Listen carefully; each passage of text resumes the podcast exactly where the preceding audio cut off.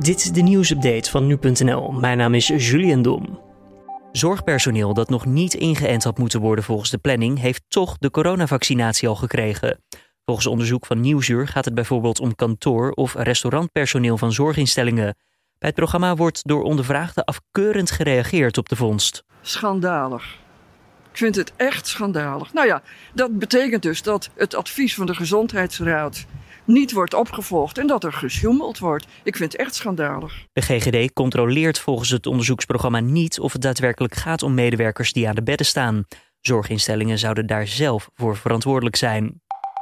In Amerika is de noodtoestand uitgeroepen in de hoofdstad Washington en deze geldt tot 24 januari. Geïnteresseerden worden opgeroepen om daarom ook niet bij de inauguratie van Joe Biden, dat gebeurt op de 20ste, aanwezig te zijn. De FBI heeft maandag signalen ontvangen dat er ongeregeldheden, zoals gewapende protesten, gepland zijn. Om de veiligheid verder te garanderen mag de Nationale Garde tot 15.000 man inzetten.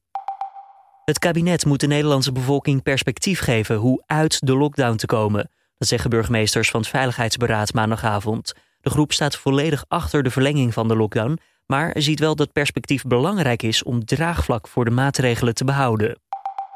Gemeenten luiden de noodklok vanwege het hoge aantal asielzoekers dat zij moeten huisvesten. Daarover schrijft de Telegraaf.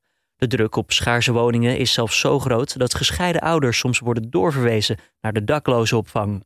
Dit jaar moeten naar verwachting zo'n 27.000 statushouders worden ondergebracht. En daarvoor zijn bijna 16.000 extra woningen nodig, al dus de krant. Geven we straks na de coronacrisis allemaal weer massaal geld uit als daarvoor? Daarover werd gisteren in op één gesproken. Ondernemers hopen op goede tijden zodat er een inhaalslag gemaakt kan worden. Maar econoom Nora Neutenboom vertelt aan tafel dat we voorzichtig moeten zijn met de verwachtingen. Want ook uit de gedragseconomie blijkt dat best wel mensen het lastig vinden om in te teren op hun spaargeld. En als ze dat dan al doen, dan doen ze dat vaak aan, aan grote uitgaven. Dus bijvoorbeeld een huis of een auto. Het is daarmee dus nog maar de vraag hoe we na de crisis met ons geld omgaan. In de VS is een lamatijn, dat is een soort zeekoe, opgedoken met het woord Trump op zijn rug geschreven. Het dier lijkt niet ernstig gewond te zijn, al dus natuurbeschermers.